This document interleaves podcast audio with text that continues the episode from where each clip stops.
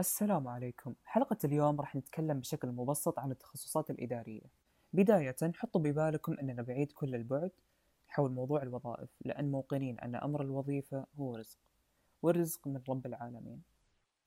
بالأول راح نقسم التخصصات الإدارية لثلاث أقسام.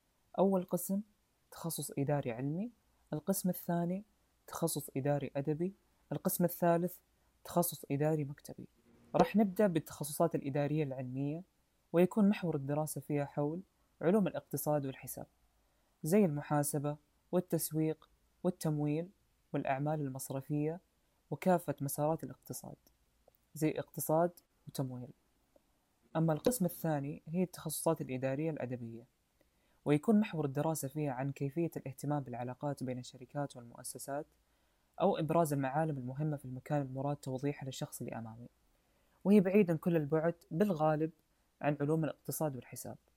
والتخصصات هي الإدارة السياحية الإدارة الرياضية إدارة فعاليات إدارة ضيافة وفندقة علاقات عامة اتصال تسويق. وأما آخر قسم وهو التخصصات الإدارية المكتبية ويكون محور الدراسة فيها عن التصميم والتخطيط والتنفيذ ودراسة أعمال المراقبة والإشراف.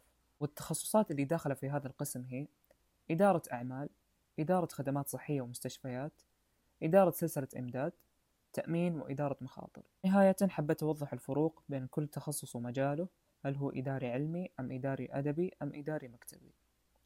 والمقصد من كلمة علمي وأدبي ومكتبي هو تبيين ميول التخصص هل هو يميل للعلوم الحسابية أم لا. وهذا هو كل ما عندي اليوم ودمتم بخير وعافية.